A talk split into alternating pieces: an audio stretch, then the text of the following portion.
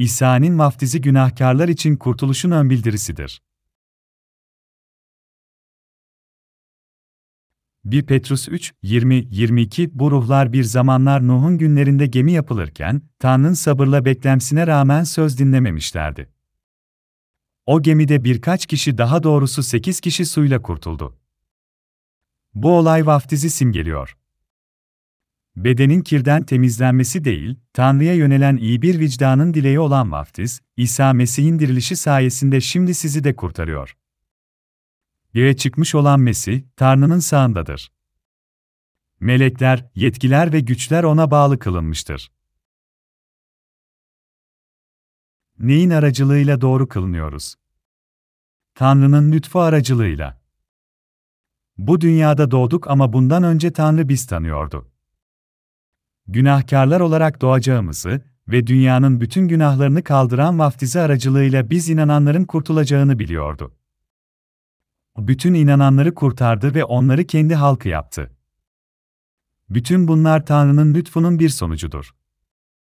Mezmur'da dediği gibi, insan nedir ki ona bakasın? Bütün günahlarından kurtarılmış olanlar, onun özel sevgisini kabul edenlerdir. Onlar, onun çocuklarıdır. Sadece suya ve ruha inanarak Tanrı'nın çocukları olmadan önce, doğru kılınmadan önce, kurtarılmadan ve ona baba diyebilme hakkı bize verilmeden önce, bizler neydik? Sadece günahkarlardık, 60-70 yıl, hadi sağlıklıysak 70-80 yıl yaşamak üzere dünyaya gelmiş günahkarlardık. Günahlarımız yıkanmadan, İsa'nın vaftizine ve kanına inanmadan önce dürüst olmayan adamlar olarak çürüyeceğimizden emindik. Elçi Pavlus diyor ki, sahip olduğu ne varsa onun lütfuna borçludur. Şimdi sahip olduğumuz ne varsa onun lütfuna teşekkür borçluyuz.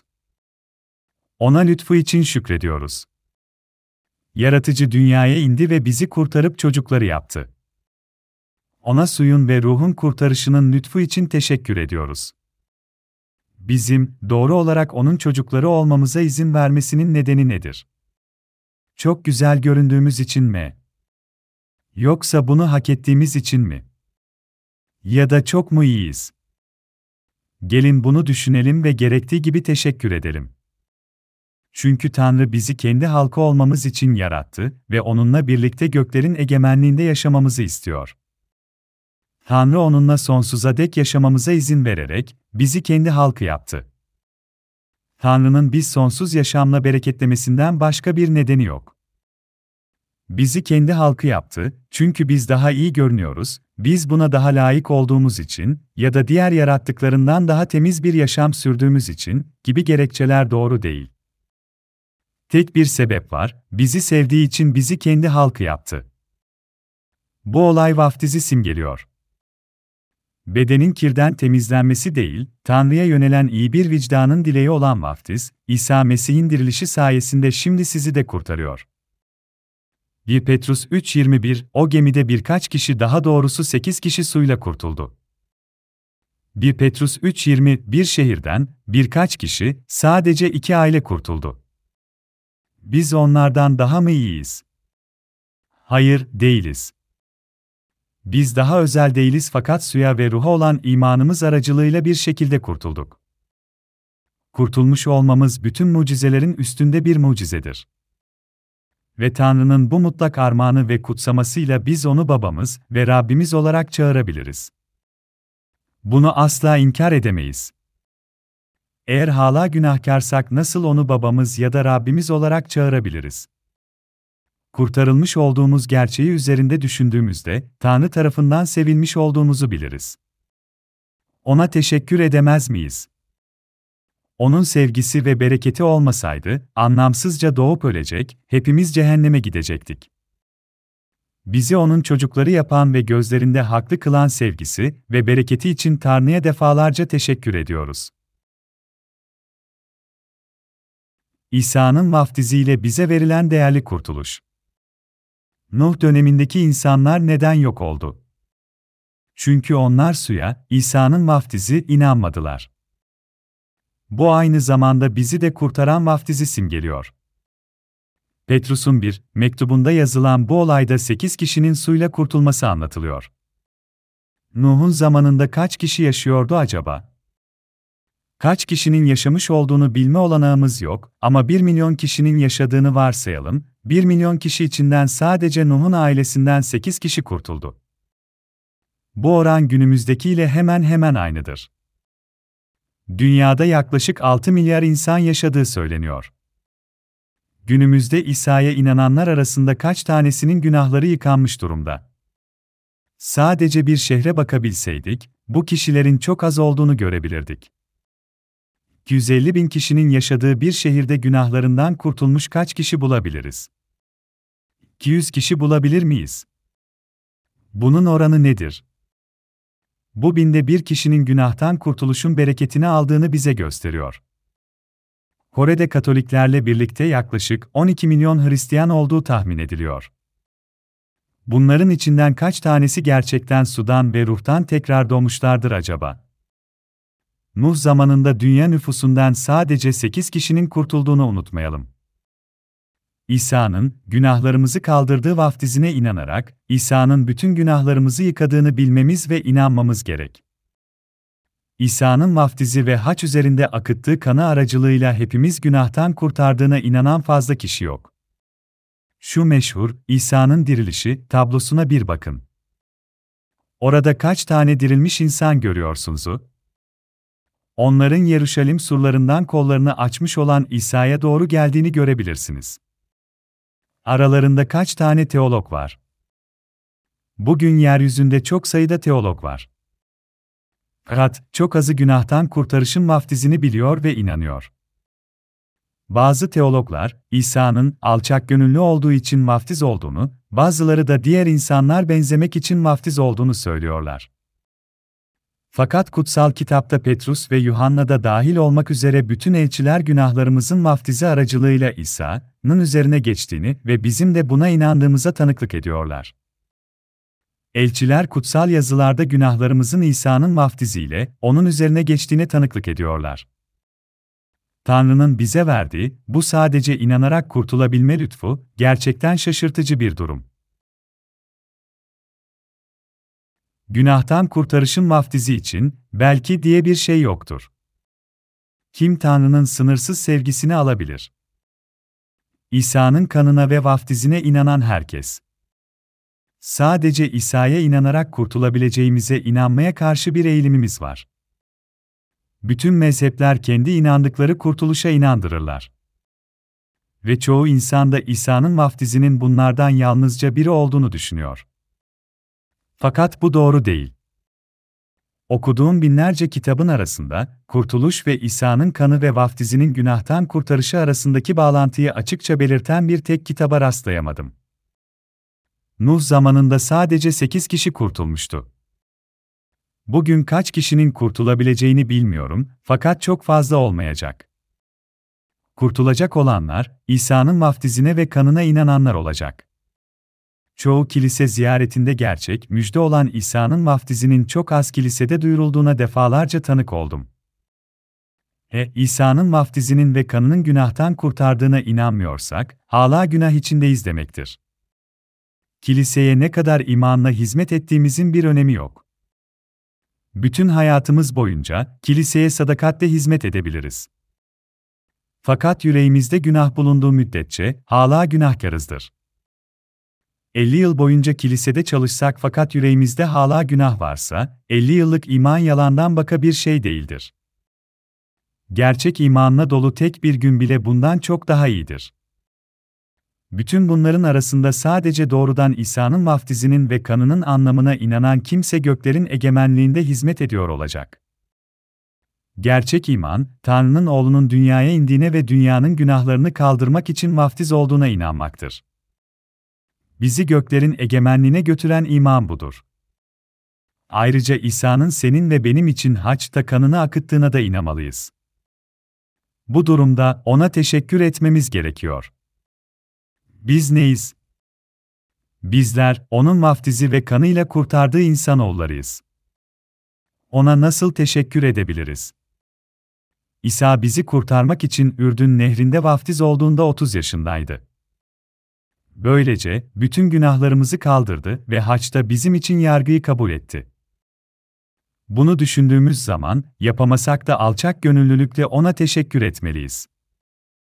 Bizim kurtuluşumuz için, İsa'nın bu dünyada her şeyi yaptığını bilmemiz gerek. Önce yeryüzüne indi. Vaftiz oldu, haça gerildi, öldükten üç gün sonra dirildi ve şimdi Tanrı'nın sağında oturuyor. Tanrı'nın kurtarışı istisnasız hepimiz, her birimiz içindir. İsa'nın kurtarışı senin ve benim içindir. Tanrı'ya sevgisi ve bereketi için şükrediyoruz. Şöyle bir müjde şarkısı biliyorum. Ne güzel bir öykü bu. Dünyadaki insanlar arasında ben onun sevgisini ve kurtarışını alan biriyim. Ah, sevgisi ne hayret verici. Bana olan sevgisi, bana olan sevgisi. Ne güzel bir öykü bu. Dünyadaki insanlar içinde bizler kurtulanlarız, biz onun halkıyız. Onun sevgisini giyindik, Tanrı'nın sevgisi, Tanrı'nın lütfu. Ah, sevgisi ne kadar hayret verici. Bana olan sevgisi. İsa seni ve beni kurtarmak için geldi ve onun vaftizinin günahtan kurtarışı da senin ve benim içindir. Müjde sadece hoş bir öykü değil, bizi yaşamımızın ağırlığının dışına çıkarıp Tanrı'nın harika krallığının içine çeken gerçektir. İman, sizinle Tanrı arasındaki ilişkidir. O bizleri kurtarmak için dünyaya geldi. O vaftiz oldu ve bizim günahlarımızı yıkamak için haçın yargısını aldı. İman eden Tanrı'yı babası olarak çağırabilmesi ne büyük bir kutsama. Nasıl İsa'ya kurtarıcımız olarak inanabilir ve imanımızda günahtan kurtulabiliriz? Bütün bunlar onun bize olan sınırsız sevgisiyle mümkündür. Önce o biz sevdiği için bizler kurtulduk. İsa bütün günahlarımızı ilk ve son defa olmak üzere yıkadı. Nitekim, Mesih de bizleri Tanrı'ya ulaştırmak amacıyla doğru kişi olarak doğru olmayanlar uğruna, ilk ve son kez öldü. Bedence öldürülmüş ama ruhça diriltilmiştir. İsa Mesih, bizim kurtuluşumuz için vaftiz oldu ve bir kez olmak üzere seni ve beni kurtarmak için hak etmediği halde, haçta öldü. Bir defada hepsi için mi kurtarıldık yoksa devamlı kurtarılıyor muyuz? Bir defada hepsi için kurtarıldık. Tanrı'nın önünde yargılanmak üzere bulunmaktan bizi kurtarmak için, bu dünyada bir kez olarak öldü. Tanrı'nın önünde göklerin egemenliğinde yaşayabilmemiz için, beden alıp dünyaya geldi ve vaftizi, haç üzerinde ölümü ve dirilişiyle bütün günahlarımızı bir kez olmak üzere yıkadı. İsa Mesih'in bizleri vaftiz ve kanıyla tamamen kurtardığına inanıyor musun? Vaftizinin ve kanının müjdesine inanmıyorsan, kurta olamazsınız. Çok zayıf olduğunuzu için, İsa'nın vaftizi ve kanıyla bütün günahlarımızı ilk ve son defa olmak üzere tamamen yıkadığına inanmazsak tekrar doğamayız. Bütün günahlarımız vaftiz oldu ve haçta bizim için ilk ve son kez olmak üzere yargılandı. İsa vaftizinin ve kanının kurtarışıyla günahkarların bütün günahlarını ilk ve son kez olmak üzere tamamen yıkadı. İşlediğimiz günahlar için devamlı tövbe etseydik, her zaman yardımsever ve iyi olsaydık ve devamlı kiliseye bir şeyler sunsaydık, insan olarak bizim için kurtulmak imkansız olurdu. Bu yüzden İsa'nın vaftizine ve haçta akıttığı kanına inanmak bizim kurtuluşumuz için gereklidir. Suya kana inanmamız gerekiyor. Tekrar doğmak için sadece iyi işler yapmakla yetinemeyiz. Yoksullara iyi elbiseler almak, pastörler için güzel yemekler pişirmek ve benzeri şeyler yapmak hiçbir zaman yeterince iyi olmayacaktı. İsa sadece vaftizine ve kanına inananları kurtardı. Eğer Tanrı'nın bizi İsa'nın vaftizi ve kanı aracılığıyla ilk ve son kez olarak kurtardığına inanırsak kurtulmuş olacağız. Bazıları Tanrı kutsal kitapta böyle söylese bile daha fazlasını düşünmeleri gerektiğini sanabilirler. Bu onlara bağlıdır. Fakat onun sözü nasıl yazıyorsa öyle inanmalıyız. İbranilere mektup 1, 1, 10 da onun bizi bir defada kurtardığı Tanrı'nın İsa'nın vaftizine ve kanına inananları bir defada kurtardığı doğrudur. Buna da ayrıca inanmalıyız. Bizi bir defada kurtarmak için bir kere öldü. Kardeşler, inanın ve kurtulun. Tüm yüklerinizi İsa'nın vaftizinin altına koyun. İsa bizi bütün haksızlıklardan ve günahlardan bir defada, bir kere vaftiz olarak ve bir kere kanını akıtarak kurtardı. Haksız için adalet. İsa hiç günah işlememiş olan, günahsız Tanrı'dır. İnsanları günahlarından kurtarmak için beden alıp bize geldi. Vaftiz oldu ve haksızlığın günahlarını üzerine aldı. Bizi günahtan ve adaletsizlikten kurtardı. İnsanın doğumundan ölümüne kadar olan bütün günahları vaftiziyle İsa'nın üzerine geçti ve haç üzerinde kanını akıtıp ölmesiyle bütün insanlar yargıdan kurtuldu. O günahkarlar için öldü ve günahkarların yerine öldü. Onun vaftizinin günahtan kurtarışı budur. İsa günahkar olan bizleri bir kerede kurtardı. Her birimiz ne kadar güçsüzüz. İsa doğumumuzdan ölümümüze kadar olan bütün günahlarımızdan, ölerek ve haçın yargısı için kendini sunarak biz kurtardı. İsa'ya inanan bizlerin, vaftizi ve kanıyla bir defada kurtardığına inanmamız gerekiyor. Biz zayıfız, fakat İsa değil. Biz sadık değiliz fakat İsa sadık. Tanrı bizi ilk ve son kez olmak üzere kurtardı. Çünkü Tanrı dünyayı öyle çok sevdi ki biricik oğlunu verdi.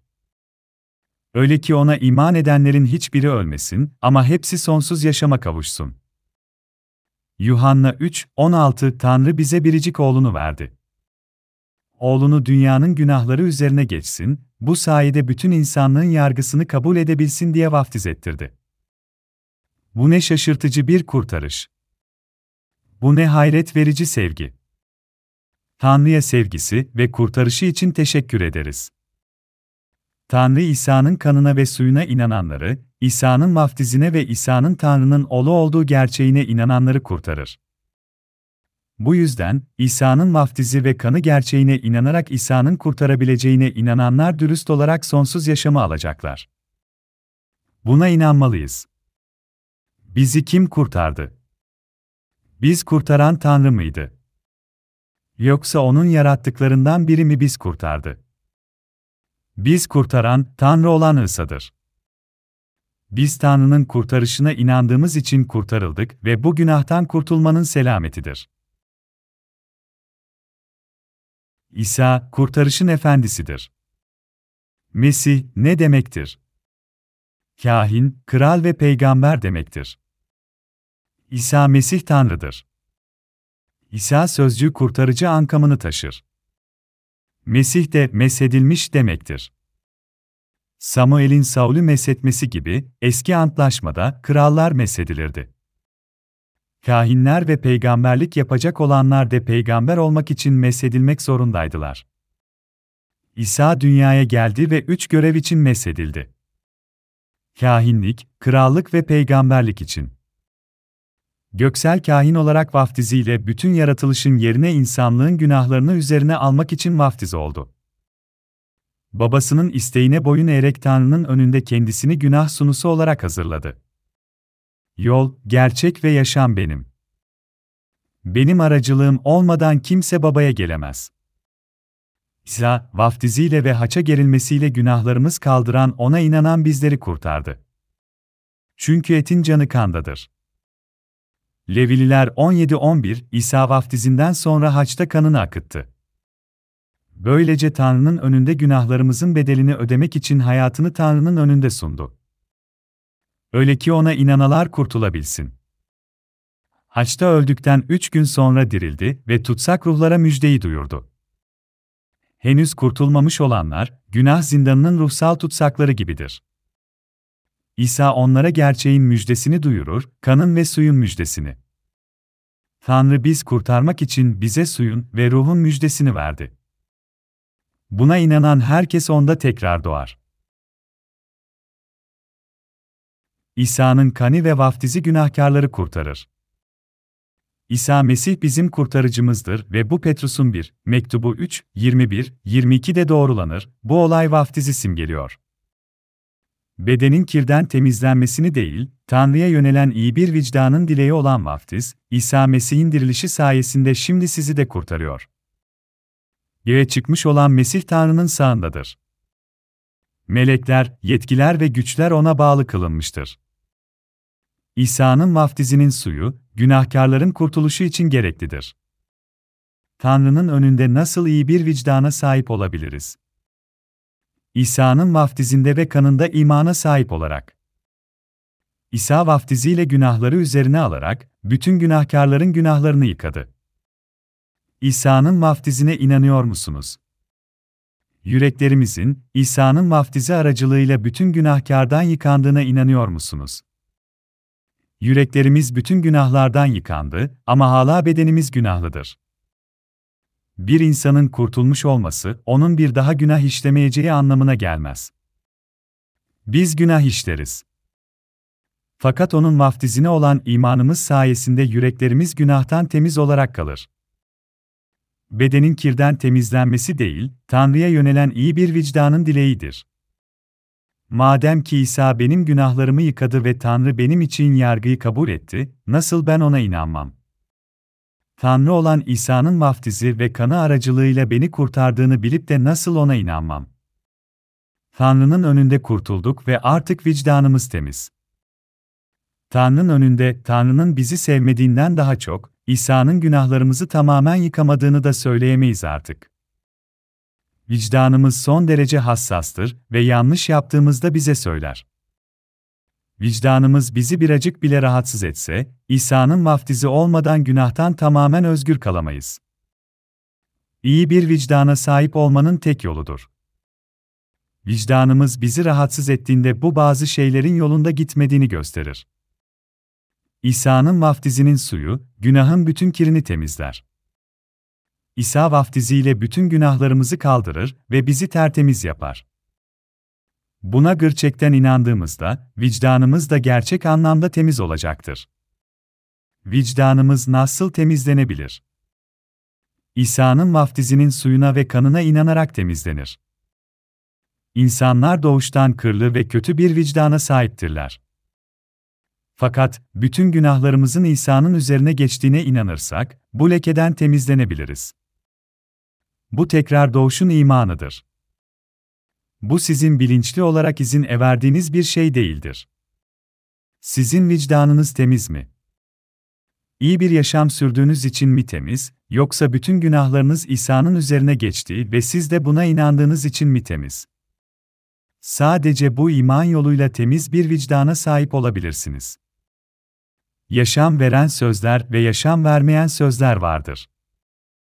Bütün insanların vicdanı nasıl temizlenebilir? Bunun tek yolu, İsa aracılığıyla kurtuluşun tamamlandığına inanan temiz bir vicdana sahip olarak erdemli olabilmektir. Onun vaftizine inanarak kutsal kılındığımızda bu, bedenin pisliklerinden arınacağımız anlamına gelmez, fakat Tanrı'nın önünde iyi bir vicdanın dileği olur. Bu yüzden o, geldi ve vaftiz oldu, haç üzerinde öldü ve ölümden dirildi ve şimdi Tanrı'nın sağında oturuyor. Zamanı gelince tekrar dünyaya gelecek. İkinci kez günah yüklenmek için değil, kendisini bekleyenleri kurtarmak için kendilerine görünecektir. İbraniler 9.28 Onun vaftizine ve kanına inanan ve gelişini sabırsızlıkla bekleyen bizleri almaya geleceğine inanıyoruz. Nesnesel bir iman deneyi. İsa'nın vaftizi olmadan kurtulabilir miyiz? Asla. Tayon Kilisesi'nde beklenmedik küçük nesnesel bir deney yaşadık. Tayon Kilisesi pastörü Park, bir çifte, dünyada günah olmadığını, fakat İsa'nın vaftizinin anlamını nakletmekte başarısız olunduğunu anlatıyordu. Adam, diğer kiliselere devam ederken genellikle vaaz esnasında uyurdu, çünkü pastörler müjdeyi duyururken İsa'nın vaftizi aracılığıyla kurtuluşu atlayarak onu her gün tövbe etmesi gerektiğine inandırmışlardı. Fakat, burada Tayon Kilisesi'ndeki vaazı dinlerken, pastör bütün günahların İsa'nın üzerine geçtiğini anlattığı için her iki gözü de fal taşı gibi açılmış olarak dinledi. Bu karısının onu kiliseye getirmeye ikna etmesini kolaylaştırdı. Bir gün kilisede otururken, Romalılara mektuptan, bu nedenle Mesih İsa'ya ait olanlara karşı artık hiçbir mahkumiyet yoktur cümlesini duydu. Hemen o anda, ah, eğer biri İsa'ya inanıyorsa o, günahsızdır. Madem ben İsa'ya inanıyorum, o halde ben de günahsızım diye düşündü. Sonra hemen kayınbiraderini ve diğer pek çok tanıdığını aradı, hepsine tek tek şöyle dedi, yüreğinde günah var mı? Öyleyse imanın doğru değil. Burada Rev. Park'ın gözden kaçırdığı bir şey vardı, adam, İsa'nın vaftizini bilmiyordu ama herkese günahsız olduklarını söylemekte ısrar ediyordu. Sonra çift problemler yaşamaya başladı. Kadın daha sadıktı fakat kocası kendisinin günahsız olduğunu söylerken, kadın hala yüreğinde günah taşıyordu. Adam sadece birkaç kez kiliseye gitmişti ama daha uzun zamandır günahsızdı. Kadın her ikisinin de hala yüreklerinde günah bulunduğundan emindi. Bunun üzerine tartışmaya başladılar.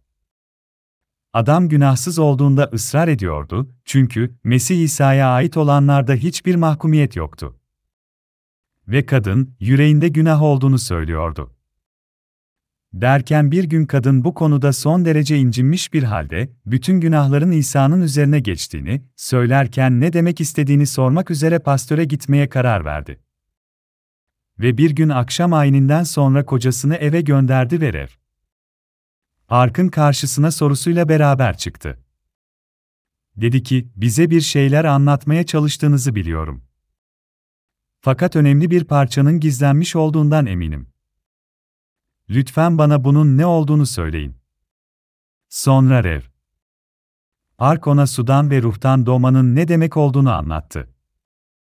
Sonra kadın neden, Romalılara mektup 8, bir de bu yüzden Mesih İsa'ya ait olanlarda hiçbir mahkumiyet yoktur yazdığını anladı.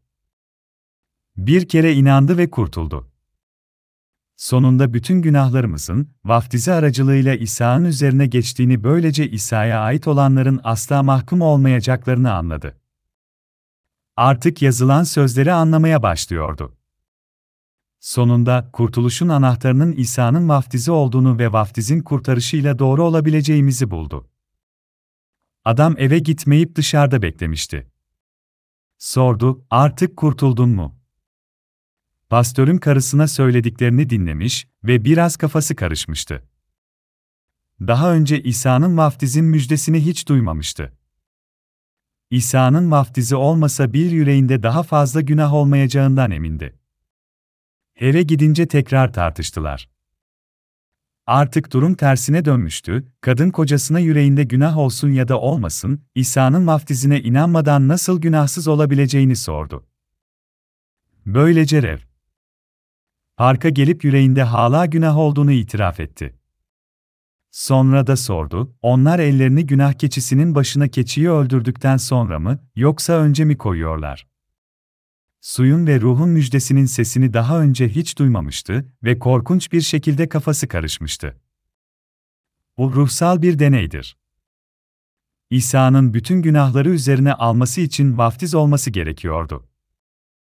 Ancak bundan sonra İsa günahın karşılığı olan ölümü ödemek için haç üzerinde ölebilirdi. Onlar ellerini keçiyi öldürdükten sonra mı yoksa önce mi başına koyuyorlardı? Kafası, İsa'nın vaftizi ve üzerine el koyma konuları yüzünden karışmıştı. Verev Ark ona İsa'nın vaftizin kurtarışını açıkladı. O gün adam ilk defa suyun ve ruhun kurtarışını duydu ve kurtuldu. Bu İsa'nın vaftizinin göz ardı edilmesine dair bir deneydir. Yüreğimizde günah bulunmadığını söyleyebiliriz, fakat İsa'nın vaftizi olmadan yüreklerimizde daima günah bulunur. Genellikle insanlar, İsa'nın haç üzerinde ölerek bütün günahları temizlediğini söylüyorlar, ancak sadece İsa'nın kanına ve vaftizine inananlar Tanrı'nın önünde günahlarının olmadığını söyleyebilirler. Rev. Harp bu çifte İsa'nın vaftizine iman ederek kurtulmadan günahlarımızdan tamamen kurtulamayacağımızı bize kanıtlamış oldu. Kurtuluşun ön belirtisi, İsa'nın vaftizi. Kurtuluşun ön belirtisi nedir? İsa'nın vaftizidir. Bizi kurtaran vaftizin bir ön belirtisi vardır. İsa dünyaya dünyanın bütün günahını temizlemek ve vicdanımızı kar gibi aklamak için geldi. İsa günahlarımızı vaftiziyle üzerine aldığı için hepimiz günahtan temiz kılındık. O biz kanı ve vaftiziyle kurtardı. Bu yüzden bütün yaratılış onun önünde diz çökecek. Biz İsa'ya inanmakla kurtulduk. İsa'ya inanmakla Tanrı'nın çocukları olduk ve cennete gideceğiz. İsa'ya inanmakla doğru kılındık. Bizler en büyük rahipleriz. Tanrı'yı babamız olarak çağırabiliriz. Bu dünyada yaşadığımız halde krallar oluruz. Gerçekten Tanrı'nın suyun ve ruhun kurtarışına inanan bizleri kurtardığına inanıyor musunuz? İsa'nın vaftizi olmazsa kurtuluşumuz eksik kalır. İsa'yı ve Tanrı'yı tanıyan gerçek iman, vaftizi, kanı ve ruhuyla bizi kurtaran İsa'nın müjdesine inanmaktır. Sadece bu gerçek imandır. İsa vaftiziyle onları kaldırdığında, günahlarımız yıkandı ve haçta kanını akıttığında bütün günahlarımızın bedeli ödendi. İsa Mesih bizi su ve kanla kurtardı. Evet. Buna inanıyoruz.